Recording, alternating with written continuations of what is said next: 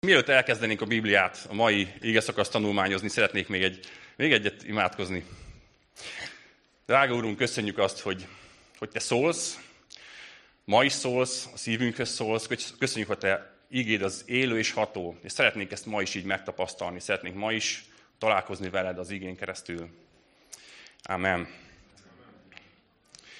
Hmm. A Máté evangéliumában vagyunk, mint azt szerintem tudjátok, és már az ötödik fejezetnél járunk.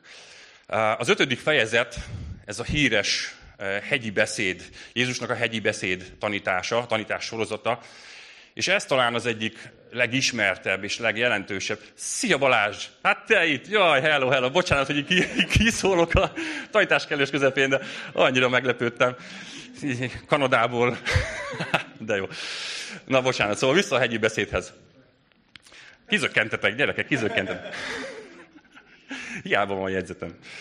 Tehát ez egyik legjelentősebb és legfontosabb tanítása Jézusnak, és ez egyik a keresztény tanításoknak is a központi, központi eleme. És hogy miért hegyi beszéd? Hát aki ezen sokat gondolkozott, akkor azt így beavatnám, hogy mégis miért hívják ezt hegyi beszédnek. Hát nagyon egyszerű oka van. Ugye az előzményekben azt láttuk, hogy Jézust miután egy, egy nagy tömeg kezdte követni, ő, ő felment egy, egy, egy fizikai magaslatra, egy hegyre, vagy dombra, vagy nem tudom mekkora hegyet kell elképzelni. Ő felment oda, és leült, és elkezdte tanítani az ő tanítványait, elkezdett szólni uh, ehhez a tömeghez. Tehát nemes egyszerűséggel egy, egy magaslaton vagy egy hegyen elmondott beszéd, ez a hegyi beszéd, úgyhogy most mindenki, akkor most így leesett ez a, ez a nagy, mindenkit évek óta foglalkoztató kérdés. Megoldásra talált. És egyébként mindig is érdekelt, hogy, hogy hogyan tudott Jézus szólni ezekhez az embertömeghez, ehhez a hatalmas, hatalmas tömeghez. Um, néha szoktunk, illetve minden évben hagyományunk, hogy, hogy kimegyünk a május egy május 1-én, a Gödöllői, majdnem május egy parkot mondtam, de olyan is létezik, csak, csak nem itt, és nem most. Um, tehát a, a Gödöllői Arborétumban szoktunk május 1-én egy ilyen, egy ilyen közös gyülekezeti uh, alkalmat csinálni, és és legutóbb is kicsit küzdöttünk, ugyanis lemerült az akkus hangfalunk, úgyhogy élő szóval, normál hangerővel próbáltunk szólni egymáshoz, de az a száz ember, aki ott volt, kb. azok se hallották. Úgyhogy ekkor előkerült Szabó Zoléknek a magafonja, innen is utólag is köszönjük szépen, és azon keresztül ilyen, ilyen robotzsarú hangon próbáltunk egymáshoz beszélni. Vicces volt egyébként egy ilyen biblia üzenetet ilyen megafonban bele, belemondani, de, de megoldottuk. De Jézusnak azt látjuk, hogy nincs megafonja, és nem volt megafonja. De mégis nekem nincs kételjem afelől, hogy, hogy a tömeg az hallotta és, és értette őt. Ugyanis ott azon a hegyen az Isten tanította a népét, az Isten szólt, és hiszem, hogy hallható és érthető módon, egy csodálatos módon, hatalommal és bölcsességgel. És tudta, hogy mire van szüksége az embereknek, hogy mire vágynak leginkább, és ez, ez mi volt? Tehát emlékezünk az előző tanításból, a boldogságnak a forrását mondta el Jézus, Erről tanította őket, ezzel kezdte ezt a tanítását, hogy ki lehet boldog, és mi a boldogságnak az igazi, igazi forrása. És valljuk be, hogy nem az általunk boldogság forrásnak vélt dolgokat emelte ki. Ugye? hanem ezektől, ezektől radikálisan eltérő dolgot. Nem, nem azt mondta, hogy az igaz szerelem, meg az elég pénz, meg az önmegvalósítás, és, és minden olyan dolog, amit így, így első blikre gondolhatnánk, hogy na majd ez okozza a boldogságot. De nem. Ő ezektől radikálisan eltérőt mondott. Azt mondta, hogy boldogok, akik sírnak, meg boldogok a lelki szegények, meg az irgalmasok, meg a szelídek, sőt, akiket üldöznek az igazságért, ők a boldogok. És annyira jó volt ezt így, így látni és kibontani és megérteni, hogy, hogy valójában az Istennel való őszinte és igaz kapcsolat, ami, amiből a boldogságunk mi származik. Az őtőle kapott teljes életben tudjuk csak megtapasztalni és megélni, hogy, hogy mi is az igaz boldogság. És most Jézus folytatja a tanítását. Hogyha szeretnétek követni, akkor a Máté 5. 13. versétől veszük fel a fonalat így a mai nap. Ti vagytok a föld sója. Ha pedig a só megízetlenül, mivel lehetne ízét visszaadni? Semmire sem való már, csak arra, hogy kidobják és eltapossák az emberek. Ti vagytok a világ világossága. Jézus a, boldog mondásokban jelzőkkel írta le az őt követőket, illetve azokat, akik, akik valóban ezt a boldogságot meg tudják tapasztalni. Azt mondta, hogy lelki szegény, szelíd, irgalmas, tiszta szívű. És most pedig főnevekkel folytatja Jézus. Azt mondja, hogy só és világosság. Egyszerűen, egyszerűen kijelent, hogy ti vagytok a föld sója. Ti vagytok a világ világossága. És figyeljetek, igék még nem voltak. Felszólító mód meg még egyáltalán nem volt. Jó, tehát ez, ez fontos, és nem csak azért, hogy, hogy most így belemegyünk a nyári szünetbe, és hogy elfelejtsétek a nyelvtan uh, fogalmakat és, és az alkalmazást. Tehát ezt, ezt így, így nem, nem ebből a célzatból mondom, hanem, hanem fontos, hogy megértsük azt, hogy itt Jézus kijelent. És ez miért fontos? Miért fontos ezt így, így látni és, és megvizsgálni magunkban? Azért, mert, mert sokszor azt hiszük, hogy, hogy az a keresztény, az a, az a Krisztusnak a követője, aki, aki megtesz egy csomó dolgot, aki betart egy halom szabályt, és mindent, mindent megtesz azért, hogy elmondhassa magáról, hogy ő bizony keresztény. És higgyetek el, hogy sokan ténylegesen ezt gondolják, hogy a kereszténység az nem más, mint egy halom szabály, egy halom betartandó törvény, lemondással járó előírás. Mi sokszor hatalmas elvárásokat teszünk magunkra. És Jézus pedig a, a vallásos erőlködésünkről áthelyezi a hangsúlyt arra, hogy kik vagyunk valójában. Értitek? Tehát nem azt mondja, hogy mit tegyél, mire van szükséged, miket tarts be, hanem egyszerűen azt mondja, hogy te ez vagy. És ez ilyen felszabadító. Annyira tetszik, hogy, hogy ezekkel az egyszerű mondatokkal valójában az identitásunkban erősít meg. Elmondja, hogy mik vagyunk. Só és fény. Nem, hogy minek kellene lennünk, minek kellene megfelelnünk, milyen szabályokat kellene betartanunk, hanem mik vagyunk. Azt mondja először, hogy só. Na, ki emlékszik a, arra a régi mesére a sóról? Tegyétek fel a kezeteket, aki, aki emlékszik. Jó, a, ugye fele. A fele. Uh, ugye ez a, ez a mese arról szól, hogy, hogy van egy öreg király, aki megkéri a lányait, hogy, hogy mondjanak valami, valami olyan szép dolgot, ahogy mennyire szeretik őt. És a két idősebb lány az mond ilyen mindenféle drágaságot, igazgyöngyök, arany és, és egyéb ténylegesen drága dolgot. És a legkisebb lány pedig, legkisebb lány pedig azt mondja, hogy úgy szeretlek, mint a sót. Én nagyon szerettem ezt a mesét, és nekem a, nekünk a nagymamánk nagyon sokat mesél gyerekkorunkban, és emlékszem, volt egy ilyen nagy vastag mesekönyv, és minden este lefekvés előtt ebből olvasott, és ez, ez, ez az egyik kedvenc mesém volt ezt hallani. És mi, miután ez a lány, ez a fiatal lány azt mondta, hogy úgy szeretlek, mint a sót, hát akkor az apja haragra gerjedt és elűzte otthonról, és miután hosszú évek után ez a lány egy távoli ország királyához ment feleségül, majd egyszer eljött az alkalom, és meghívták apjukat, vagy az apját egy, egy, egy lakomára, egy, egy vendégségre. De nem fette fel a személyazonosságát, hanem, hanem titokban történt ez az egész, egész meghívás. És mikor a király odaért, és felszolgálták ezt a rengeteg finomságot, mindent ízetlenül, só nélkül tettek. És ekkor jött rá, ekkor jött rá az öreg király, hogy bizony, hogy a lánynak, lányának mekkora, mekkora igaza volt. És ugye egy happy end zárult ez a történet. Tehát a show, látjuk, hogy a show az valójában, valójában mennyire fontos. Lehet, hogy észre se vesszük, de hogy mennyire fontos. És Jézus korában a show egyébként értékes áru volt. Nem tudom, hányan tudjátok, hogy sok esetben uh, még, még fizető eszköz is volt a só. Uh, római katonákat volt, hogy sóval fizették ki. Tehát abban kapták meg a zsoldjukat. És mit, mit üzen ez nekünk? Jézus azt mondja, hogy, hogy sók vagyunk, mert a só értékes. Értékes vagy. Hogy legyen ez az első identitásod. Ugye mondtam, hogy Jézus meg akarja erősíteni az identitásunkat. A só az érték, tehát értékes vagy. És ebben erősödj meg.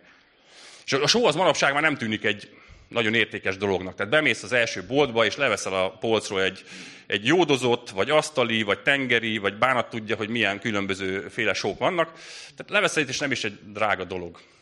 Szerintem, hogyha Jézus tudta volna, hogy mi várható itt a, a, a, mi időnkbe, akkor, uh, akkor lehet, hogy a cukrot mondta volna inkább, mert pláne, hogyha lekerül az árplafon, ár, árplafon a, a, cukorról, akkor, akkor ugye elszabadulnak itt az indulatok. Uh, lehet, hogy ezt, ezt mondta volna, és akkor milyen édesnek éreznénk magunkat, hogy milyen kis édesek vagyunk. Uh, de nem, ő a sót használta. Sót, mert a só az értékes. És annyira nehéz magunkat sokszor értékesnek látni. Pláne csak így alanyi jogon. Csak úgy, hogy mi értékesek vagyunk, csak, csak úgy. Mi általában értéket akarunk adni magunknak. Mi meg akarunk dolgozni, azért ki akarjuk érdemelni azt, hogy mi értékesek legyünk. És Jézus azt mondja, hogy bár, mielőtt bármit is tennél, hidd el, hogy te értékes vagy. Tekints így magadra. És mondok még valamit, tekints így másokra. Mert sokszor ezt a, ezt a terhet rátesszük másokra is, hogy az alapján ítéljük meg, és az alapján adunk értéket, hogy, hogy mit tett le az asztalra. De, de figyeljetek, megváltozik az emberi kapcsolat, hogyha így tekintesz a másikra, hogy ő, hogy ő értékes. Isten szemében értékes. És most lett vége az iskolának. Kiosztották nagyon sok kisgyereknek és kisdiáknak, meg nagydiáknak a, a, a bizonyítványát. Figyeljetek, ne ez alapján értékeljük ezeket a, ezeket a fiatalokat. Ők értékesek, attól függetlenül, hogy milyen, milyen szám, milyen minősítés szerepel abban a bizonyítványban. Ők értékesek, és kommunikáljuk feléjük ezt, éreztessük velük, hogy, hogy ők értékesek. Na aztán milyen még a só? Uh, ízes.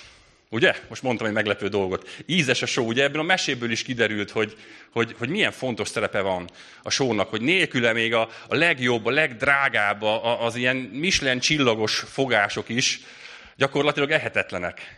Igaz? Mert, mert hiányzik belőlük az, ami az ízt adja. Tehát az identitásod második pontja az, hogy ízes vagy.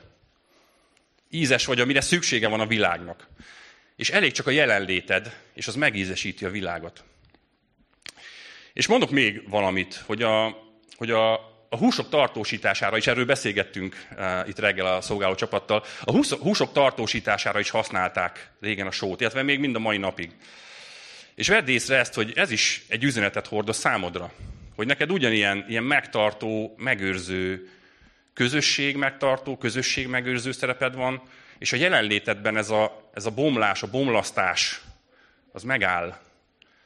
Tehát a sónak ezt a tulajdonságát is így hordozunk magunkban. És hidd el, hogy fontos vagy, még hogyha nem is érzed magad annak. Fontos vagy. Szóval mi vagyunk a só. Mi vagyunk a só, benne egy sószoróban, és, és az Isten az a, a, a séf a konyhafőnökből, és gyakorlatilag amikor kinyílik ez az ajtó, amikor kinyílnak azok az ajtók, és mi kimegyünk innen, akkor, akkor Isten így meg, megsózza velünk a környezetünket, megsózza velünk a világot, megsózza velünk azt a, azt a környezetet, azt a társaságot, azt a közösséget, a családot, munkahelyet, ahova éppen, ahova éppen bekerülünk, ahol dolgunk van. Jó? Á, szóval só vagy. Viszont, hogyha só elveszíti az ízét, akkor semmire nem jó. Egyébként nem tudom, hogy tudja elveszíteni a só az ízét, de, de tételezzük fel, hogy a só el tudja veszíteni az ízét. És Jézus azt mondja, hogy, hogy, hogy sók vagyunk, és nem kell erőlködnünk azért, görcsösen akarnunk, hogy, hogy, hogy, hogy sók legyünk. Nem kell azért erőlködnünk, hogy mások legyünk, hogy eltérjünk a világtól. Egyszerűen mások vagyunk.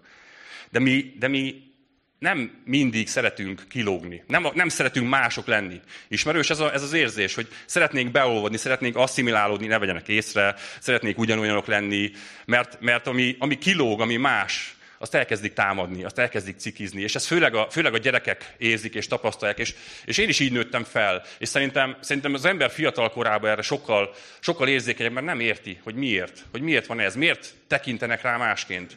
Azért, mert más értékrendet képvisel, azért, mert másként él. És ezért a világ így, így kikezdi. Úgyhogy erősítsétek meg a gyerekeket.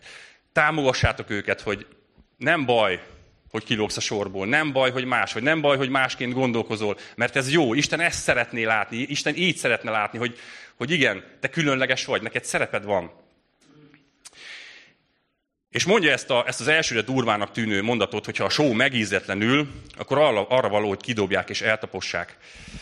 És ezen, ezen a dolgon gondolkoztam így a hét során, és pont a héten állítottam fel a medencénket. És a medencénknek van egy ilyen nagy homok szűrője, és töltöttem bele a homokot, a szűrőhomokot. És hogy kezembe vettem egy, egy marék homokot, láttam, hogy, hogy ugye ez egy ilyen nagyon apró szemekből áll ez a, ez a só, vannak benne kicsit sötétebb, kicsit világosabb, és egész, egész ilyen világos, már-már fehér színű kis, kis darabkák. És gyakorlatilag, hogy ezeket a fehér színű darabkákat összetenném egymás mellé a sóval, akkor nem is, nem is lehetne különösebben megkülönböztetni őket. Viszont mi az, ami megkülönbözteti őket, mi az, ami különlegessé teszi? Az íze. Tehát, hogyha megnyalom, aha, akkor ez a só, és ez meg a, ez meg a homok. De mi van, hogyha a só elveszíti az ízét? Akkor mi különbözteti meg a homoktól? Akkor semmi. akkor mire való? Arra, hogy ledobjam a földre, és gyakorlatilag azon, azon járjak, azon tapossak. Úgyhogy erre utal, erre utal Jézus, hogy hogyha elveszíted az ízedet, akkor már olyan leszel, mint a, mint a homok. És ne akarj beolvadni. Ezzel azt üzeni, ne akarj beolvadni, ne akarj asszimilálódni, ne akarj olyan lenni homok, mert te nem vagy az. Mert te, a te értéked az, hogy ízes vagy, és a világnak erre van szüksége. Jó, úgyhogy ebbe szeretnélek itt titeket megerősíteni, hogy, hogy ez nem a mi érdemünk, nem a mi különleges uh, erőfeszítésünknek az eredménye, hanem Isten egyszerűen különlegesnek akar látni, ő tett minket különleges, és ezt, ezt használjuk ki, ezzel éljünk. Na és utána megyünk tovább. Azt mondja, hogy ti vagytok a világ világossága. Nem rejthető el a hegyen épült város. Lámpást sem azért gyújtanak, hogy a véka alá tegyék, hanem a lámpatartóra, hogy világítson mindenkinek a házban. Úgy ragyogjon a ti világosságotok az emberek előtt, hogy lássák jó cselekedeteiteket, és dicsőítsék a ti mennyei atyátokat. Ti vagytok a világ világossága. Várjunk csak! Hát nem Jézus mondta ezt magáról? Hogy én vagyok a világ világossága? Ezt mondta a János 8-ban. Ezt olvassuk, hogy én vagyok a világ világossága. Aki engem követ, nem jár sötétségben, hanem övé lesz az élet világossága. És a Biblia számos helyen felhívja a figyelmünket, hogy, hogy Jézus így, így saját magával, vagy az ő jelzőivel azonosít minket is. Sok helyen. Um, Istennek a fiai. Ugye ő volt az Isten fia, de ránk is azt mondja, hogy mi is Isten fiai vagyunk. Aztán azt mondja, hogy ő a kiválasztott, de hogy mi is a kiválasztottak vagyunk. Ő a felkent, de mi is felkentek vagyunk. De a legesleg durvább, a legátütőbb, a legragyogóbb módon szerintem itt, itt azonosított minket önmagával, ilyen tökéletesen egyező módon, hogy a világ világossága. Ezt használja ránk. Hogy ami Jézus személyéből fakad, az ő dicsőségéből, az ő tisztaságából, az a világosság, hogy az, az látszik meg rajtunk is, ugyanaz ragyog rajtunk keresztül is. Ezt úgy tudnám elképzelni, mint ahogy, mint ahogy süt a nap. Nyilván megvan alap, nem tudom milyen földrajzórán, vagy tanítják ezt az alap csillagászati dolgokat. Naprendszerünk, hogy néz ki, milyen bolygók vannak, stb. Tehát süt a nap, és a Földünk az alapvetően egy sötét hely lenne, de a nap adja a fényt. És még kerül, bolyong így, meg a Föld körüli pályán kering ugye a hold, és az visszatükrözi a napnak a fényét. És ezek vagyunk mi. Tehát Jézusnak a fényét így a, a sötét világra, a sötét földre, pont ahol éjszaka van, oda, oda sütünk be. Oda sütünk be Jézusnak a világosságával. És valljuk be, hogy ezt a szót kimondva, hogy sötétség, az olyan, hordoz egy negatív um, érzületet, igaz? Tehát, hogy sötétség, az valami félelmetes, valami félelemkerjesztés, és néha ijesztő tud lenni a sötétség. De lássuk meg, hogy a, hogy a világosság és a sötétség az valójában nem, nem egymásnak az ellentéte. Hogy a sötétség az a hiánya a fénynek. Viszont, hogyha a fény megjelenik valahol, akkor ott egyszerűen eltűnik a sötétség. A sötétség az nem tudja elűzni a fényt. Ne féljünk a sötétségtől. A sötétség az nem, nem, tudja, nem tud a fénynek kárt okozni, nem tudja elűzni. A fény az, ahol, hogyha megjelenik, akkor világosság lesz. És figyeljetek, Jézus nem azt kérte, hogy, hogy nekünk kell másnap lennünk, meg próbáljunk meg mások lenni, hanem kijelenti, hogy só vagyunk, és világosság. És mi egyszerűen különbözünk, és nem tudunk nem kitűnni eh, a világból. A múlt héten elmentünk közösen a családdal moziba, és megnéztük ezt az új mesefilmet, ezt a Disney mesét, az Elemi című. Hányan láttátok már ezt a ezt a kis mesét, nem olyan sokan. Egyébként jó kis mese, szerintem érdemes, érdemes egy délutáni, családi délutáni programot erre szánni. Arról szól, hogy vannak ilyen különböző elemek, tehát ilyen fény, már hogy tűz, meg, meg víz, meg föld, meg mindenféle kis, kis lények, és akkor ezek így mászkálnak, meg beszélgetnek, meg mindent csinálnak. És volt egy jelenet, amikor, amikor a Parázs nevű kis, kis tűzlány elment a barátjával, aki egy víz barátja volt, innen egyébként a, az érdekessége a sztorinak, hogy hogy passzolnak ezek össze. De mindegy, elmentek moziba. És ugye egy sötét, besötétített moziba beült szegény kis tűzlány, és pff, világosságot csinált, és akkor, hát ez így nem jó, mert nem látják a, a, a, a, éppen a vetítést, úgyhogy próbálta magát takargatni, és így, így bebugyolálni. a sötét moziterembe. Tehát nem tudunk nem kitűnni, értitek? Mi egyszerűen világítunk, és, és, és de erre van szükség ahhoz, hogy kitűnj a jelenléteddel, hogy kitűnj a nyugalmaddal, a szavaiddal, a békességeddel, az Istenbe vetett bizalmaddal, mert, mert higgyétek el, hogy a, hogy a, a családodnak, a, a munkatársaidnak, a közösségednek, a, a, mondhatnék bármilyen, bármilyen emberi kapcsolatot és közösséget, ahol éppen ott vagy, a környezetednek szüksége van arra, amit, de még inkább, hogy akit képviselsz. De mégis akkor mi ez a letakarósdi? Miért akarjuk le? Miért mondja azt Jézus, hogy hát ne takarjátok már ezt a lámpást? Uh, ugye ez milyen nonsens, hogy ki, ki akarna mégis egy lámpást le, letakarni? Hát az, az azért van, hogy, hogy bevilágítsa a környezetét. Az, hogy a világ világossága vagyunk, ez a kifejezés azt jelenti, hogy hogy nem csak a saját magunk világossága vagyunk, ne csak magunknak világítsunk, hanem, hanem úgy mindenkinek. Hogy a, azt mondja Jézus, hogy enged, hogy a fényed az ragyogjon az emberek előtt. És figyeljetek, Jézus tanítása szerint a boldogságot sem tudod egy magad elérni. A boldogságot nem tudod interakciók, emberi kapcsolatok nélkül megélni. Na most vegyük, vegyük így sorra, vagy csak egy néhány példát mondok. Azt mondta Jézus, hogy boldogok a szelídek. Most tudsz egymagadban szerid lenni? Hát végül is igen, tehát hogy egymagamban szerid vagyok, de egy, mondjuk egy, egy harapós kutyáról is akkor derül ki, hogy harapós, amikor odavész mellé, és akkor leteszteled, hogy te, te harapós vagy, te nem vagy szelid. De anélkül, hogy oda mennél, hát az a kutya akár lehet szelid is, akár lehet harapós is.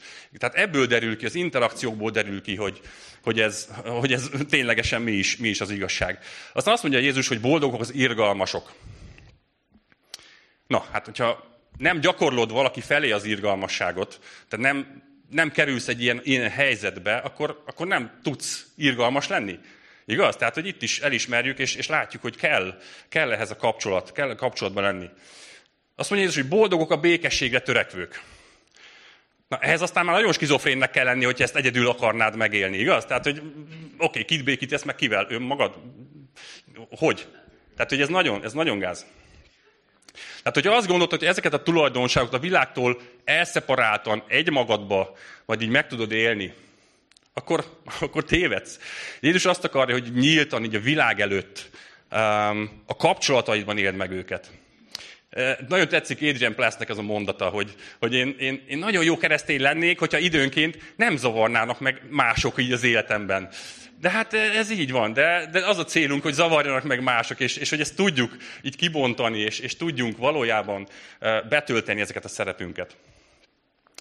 Azt mondja Jézus, hogy egy hegyen álló várost nem lehet elrejteni. Ha egy ilyen várost távolról észreveszünk, de legyen az csak egy vár, vagy egy várrom, autóval megyünk valahova, és, és egy-egy domb tetőn felbukkan egy vár, az annyira, annyira vonzza a tekintetet, nem? Annyira, annyira izgatja a fantáziánkat, és annyira, annyira szép, hogy így nem tudjuk levenni róla a szemünket. És néhány kommentár megjegyzi, hogy nem messze attól a helytől, ahol Jézus elmondta ezt a hegyi beszédet, ahol tanította a tömeget, ettől a helytől nem messze volt egy ilyen város, ami a hegyen épült fel, ez a Szafet városa. Ez egy feltűnő magaslaton át, és minden irányból nagyon jól látható volt ez a város. Gyakorlatilag el tudom képzelni azt a, azt a szituációt, hogy Jézus, ahogy így tanította az embereket, így felnézett, és látta ezt a várost a horizonton. Látta, hogy, hogy így vonzza, vonzza a tekintetet. És azt mondja, hogy látjátok, én azt szeretném, hogy ilyen láthatóak legyetek ti is. Jézus azt akarja, hogy a népe az látható életet éljen. De, de a bármiféle láthatóságunk és megnyilvánulásunk célja az, az ha lehet, akkor ne rólunk, ne az egónkról szóljon, hanem, hanem szóljon arról, arról a kegyelemről, arról a szeretetről, amit megtapasztaltunk, és ezért lehetünk olyanok, amilyenek. Hogy meglássák az emberek ezt az átformálódott életet, de ezen keresztül azt, aki ezt lehetővé tette, aki ezt elvégezte bennünk, jó? Tehát, hogy meglássák az emberek az atyát, akinek a gyermekei vagyunk. És itt Jézus témát vált. Eddig beszélt arról, hogy hogy lehetünk boldogok, és hogy mik vagyunk, és most, most egy, egy, egy, egy abszolút ö, ö, markáns témaváltás következik. Lehet, hogy itt tartott egy kis szünetet, mi nem fogunk, úgyhogy még tartsátok ki. Tartsatok ki, uh, folytatni fogjuk a 17. verstől. Ne gondoljátok, hogy azért jöttem, hogy érvénytelenné tegyem a törvényt, vagy a proféták tanítását. Nem azért jöttem, hogy érvénytelenné tegyem, hanem hogy betöltsem azokat. Mert bizony mondom nektek, hogy amíg az ég és a föld el nem múlik, egy jóta vagy egy vesző sem vészel a törvényből, míg az egész be nem teljesedik. Tehát ha valaki a legkisebb parancsolatok közül akár csak egyet is eltöröl, és úgy tanítja az embereket, az a legkisebb lesz a mennyek országában. Ha pedig valaki ezeket megtartja és tanítja, nagy lesz az a mennyek országában. Na most a törvény és a proféták, ez a, ez a kifejezés, ez valójában, a, valójában az Ószövetséget jelenti. Tehát Jézus korában így utaltak a, az Ószövetségi könyvekre, hogy a törvény és a proféták. A törvényről beszél, ami, amit Isten Mózesen keresztül adott a népnek ott a sínai hegyen, ugye 1500 évvel korábban. És ami itt feltűnik, hogy Jézus olyan, olyan nyíltan, olyan isteni hatalommal beszél, amivel még soha senki. Kijelenti, hogy, kijelenti, hogy célral jött. Ugye azt mondja, hogy nem azért jöttem, hogy. Tehát volt egy célja, hogy eljött. Ezt tettem fel itt a, a srácoknak reggel, hogy valamelyikünk célral jött erre a világra. Úgy értem, hogy szándékosan, a mi akaratunkból jöttünk létre? Nem. Ugye egyikünk sem, ezt, ezt, ezt így megállapíthatjuk. Jézus viszont igen. Ő szándékkal jött el a földre. És azt mondja, hogy, hogy bizony ő, ő Isten törvényére hatást tudna gyakorolni. Mert azt mondja, hogy nem azért jöttem, hogy eltöröljem, tehát hogy kvázi már-már ez a képessége megvan. Ez annyira, annyira isteni, az isteni hatalmát bizonyítja.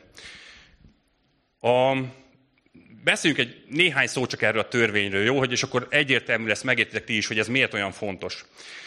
A tökéletes és szent Isten megmutatta ebben a mózesi törvényben, hogy milyen a tökéletes és szent élet. Ami, amit élve Istenhez, Isten szemében igazak lehetünk. És Isten szemében tökéletesek lehetünk, és ezáltal üdvözülhetünk.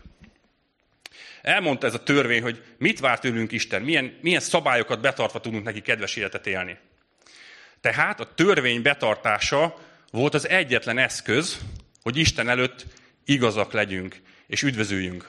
Jó, tehát ez volt a törvénynek a, a, az olvasata, a szerepe az ő szemükben.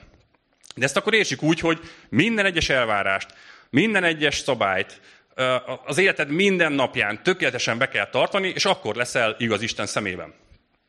Egyetlen egyet sem hibázhatsz, mert ha már hibázol, akkor lehet, hogy mondjuk a, a, a 89. életévedben hibázol egy aprót. Azt mondod, hogy ah, csudába, nem tud előről kezdeni, az már akkor kuka. Tehát, hogy ez ilyen szinten kellett ezt érteni. Lássuk meg, hogy a törvényt az ember azt, azt képtelen betartani. Képtelen szent életet élni. Éppen ezért ez a törvény, mire jó akkor a törvény? Hát felhívja a figyelmet arra, hogy, hogy, mi, hogy mi bűnösök vagyunk, hogy tökéletlenek vagyunk, hogy, hogy mi ezt, ezt nem tudunk Isten szemében megfelelni, és ezért gyakorlatilag csak rávilágít a bűnre és a bűnös természetünkre. A törvény éppen ezért nem ad megigazulást, hanem arra szolgál, hogy meglássuk, hogy bajban vagyunk.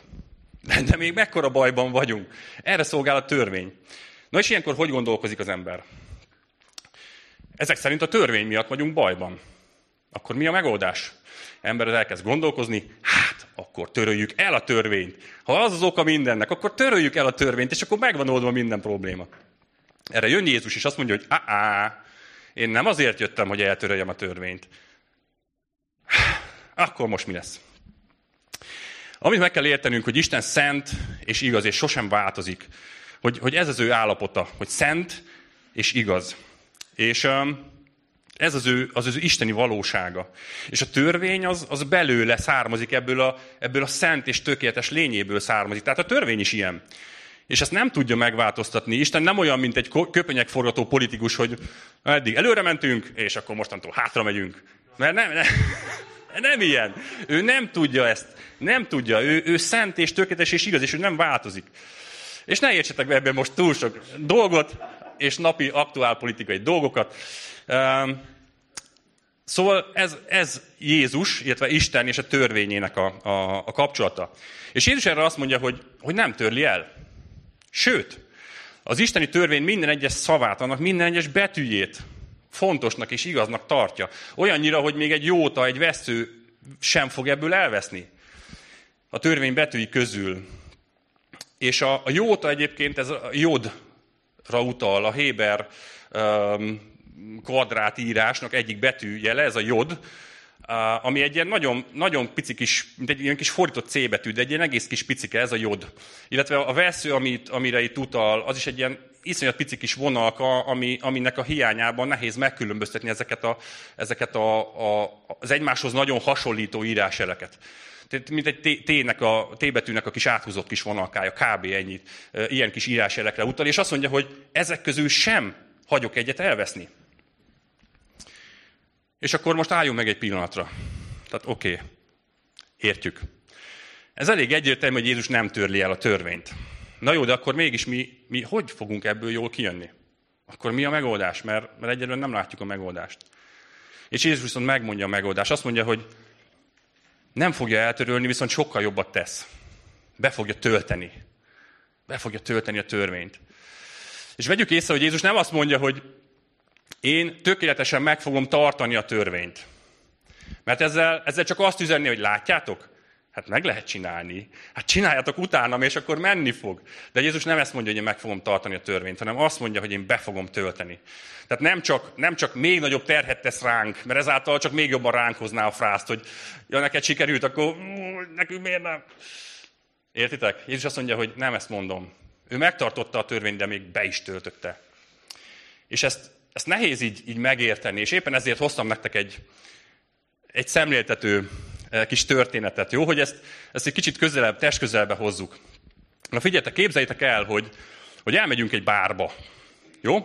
Ne, ne egy ilyen késdobáló helyet képzeljétek el, ilyen, ilyen lepukkant presszót, hanem egy ilyen igényes, um, színvonalas helyet. Jó? Tehát elmegyünk egy bárba. Ki az, aki szeretne eljönni velem egy bárba? Ó, Peti volt az első jelentkező, bocsánat. Peti, elmegyünk egy bárba együtt. És ott állunk a bárpultnál, és te adsz nekem egy poharat. Így nyújtasz felém egy poharat. Igen, tehát itt tartunk, ezt képzeljétek el, jó? És ez a, ez a szituáció még kétesélyes lehet. Attól függően, hogy Peti milyen poharat ad nekem, egy üres poharat, vagy egy teli poharat, teljesen más a kimenete a dolognak, jó? Tehát Peti ad felém mondjuk egy üres poharat. Akkor az azt jelenti, hogy nekem kell állni, nekem kell meghívni őt, enyém a körnek a fizetése, viszont én le vagyok égve, és ez elég ciki. Tehát ez, ez egy probléma. Viszont, ha a Peti egy teli poharat ad nekem, akkor az mit jelent? Az, hogy Peti milyen nagy lelkű volt, és meghívott engem egy italra.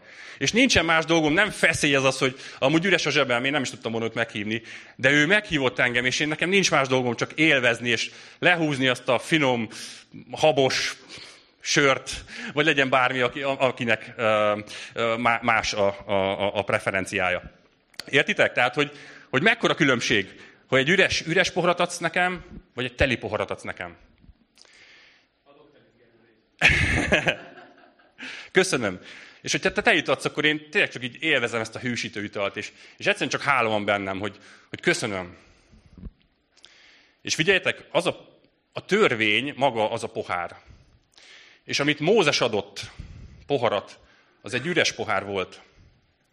Értitek? Tehát ott az volt a szitu, hogy itt az üres pohár, és te neked kell fizetned. Te neked kell meghívnod engem. Neked kell bizonyítanod. Ezzel egy terhet rak ránk. Viszont, amit Jézus kínál, az a teli pohár. Jézus az egy teli poharat ad. És ezzel mit üzen? Azt, hogy figyelj, neked, neked ezzel már nincs semmi dolgod, neked, neked nem kell fizetned, neked nem kell semmit tenned ezért, egyszerűen csak fogd és, és élvezd. És gyakorlatilag ez a törvénynek az értelmezése is. Én nem gondoltam volna, hogy valaha egyszer ilyen sörözős példával fogom a, Istennek a kegyelmét így, így tanítani. És üdítő volt, szó szerint. És Jézus azzal, hogy, hogy, hogy emberré vált, hogy megszületett, hogy felnőtt, hogy bemerítkezett, azzal tökéletesen belépett nem csak a mi világunkba, de a mi életünkbe, a mi helyzetünkbe.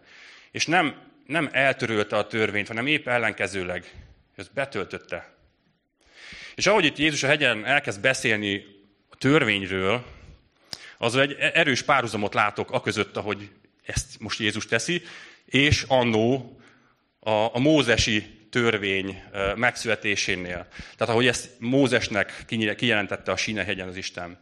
És most itt vagyunk megint egy hegyen, egy másik hegyen, de és itt van az Isten, aki, aki tanítja a törvényéről a népet. Tehát erős párhuzamot látok a két esemény között. És majd ezt meglátjuk jövő héten. Most nagyon hosszú lett volna ezt így kibontani, úgyhogy majd Attila téged ér a, a megtiszteltetés, hogy ezt így, így végigvegyük. Most csak így megalapozzuk ennek, a, ennek az előzményeit. Um, Jézus itt ki fogja bontani, hogy hogyan is kell érteni. Hogyan kellett volna érteni azokat a törvényt már a kezdetek kezdetétől. És, és Jézus itt, itt letisztítja róla azt a, azt a vallásos koszt, ami így rárakódott, és egy tisztánlátást ad az ő törvényéről. Ő ugyanis azt tanította, hogy a törvény az nem egy, nem egy vallásos szabálygyűjtemény, nem csak a, a külső megjelenésre és a cselekvésekre, a cselekedeteinkre vonatkozik, hanem sokkal inkább az ember szívére. Sokkal inkább a belső gondolatainkra és a motivációnkra. És Jézus megérteti velünk a törvényt annak isteni tisztaságában. És figyeljetek, a mózesi pohár sem volt kicsi. Nem volt kicsi. De így meglátjuk, hogy ez a pohár ez valójában sokkal nagyobb. Majd meg, meg fogjuk látni jövő héten. Látunk egy külső dimenziót. Ugye azt mondja a törvény, hogy, hogy ne ölj. Ez a, ez a külső dimenziója ennek. Viszont Jézus azt mondja, hogy ne csak, hogy ne ölj, de még csak ne is gyűlölj, sőt, ne is haragudj senkire.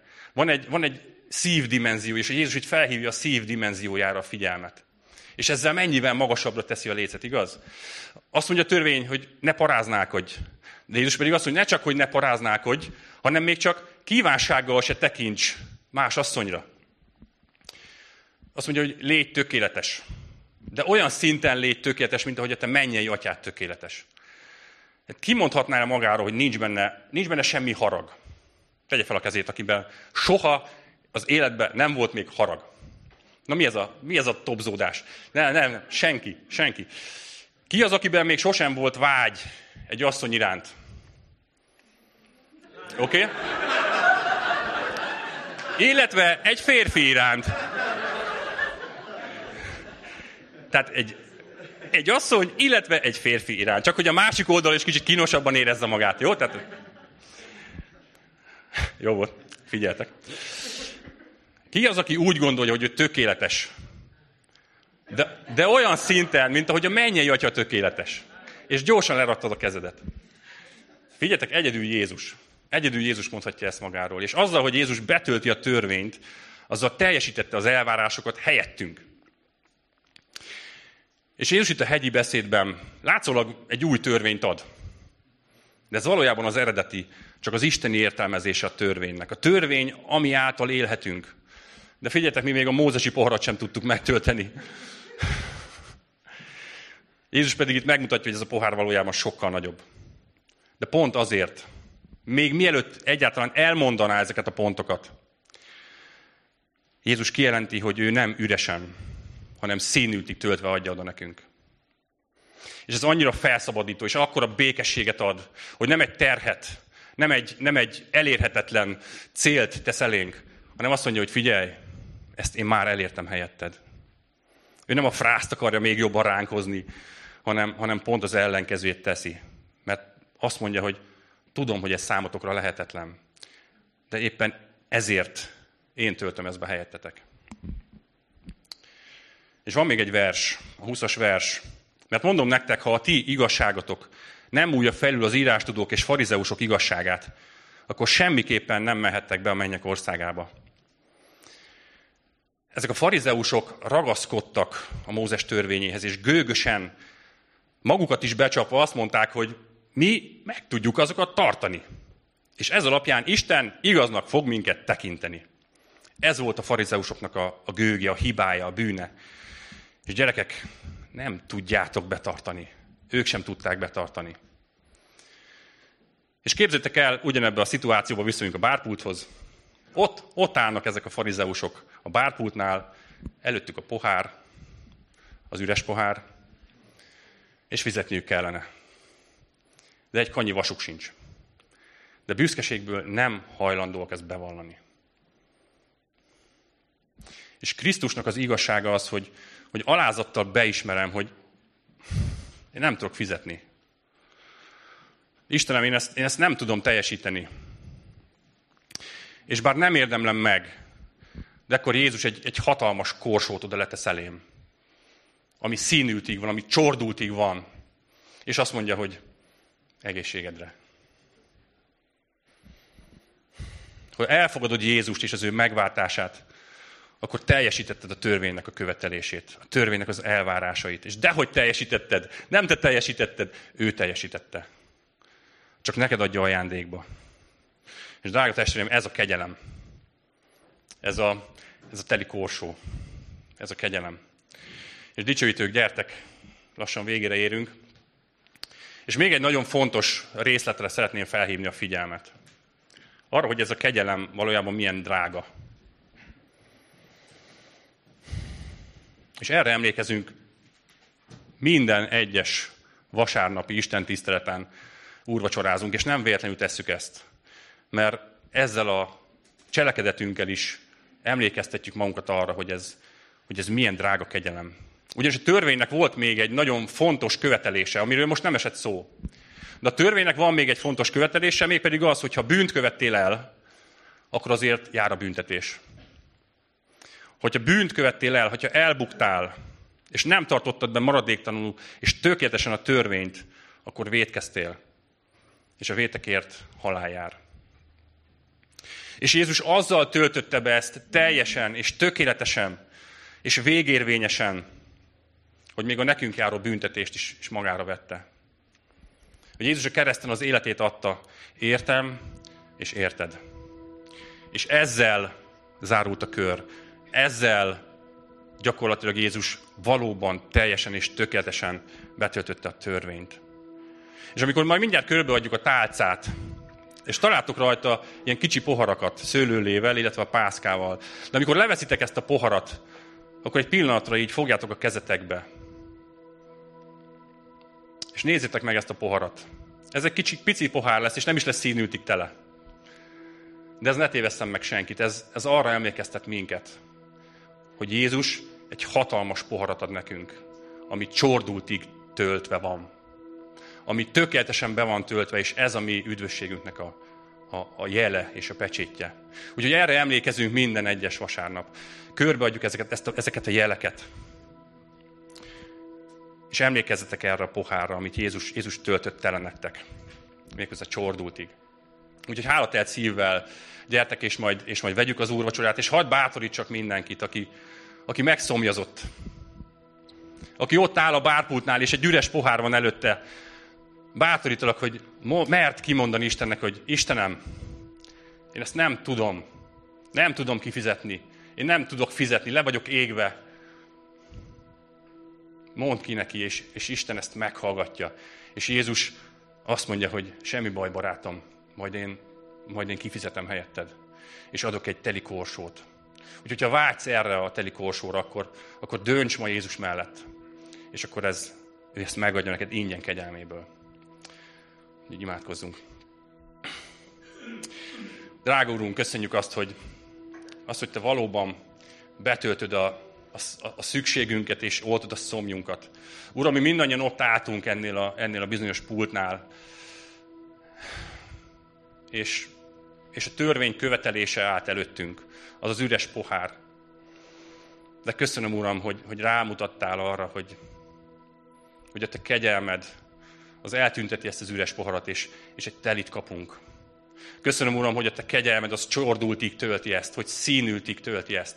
Köszönjük, hogy a Te kegyelmed az, az végérvényesen és tökéletesen is megváltott minket, megváltoztatott minket. Uram, kérlek, hogy ezzel, a, ezzel az átformált életünkkel tudjuk betölteni a szerepünket, tudjunk sok lenni, tudjunk világosság lenni, és tudjunk rád mutatni minden, minden élethelyzetben. A te szent nevedben. Amen.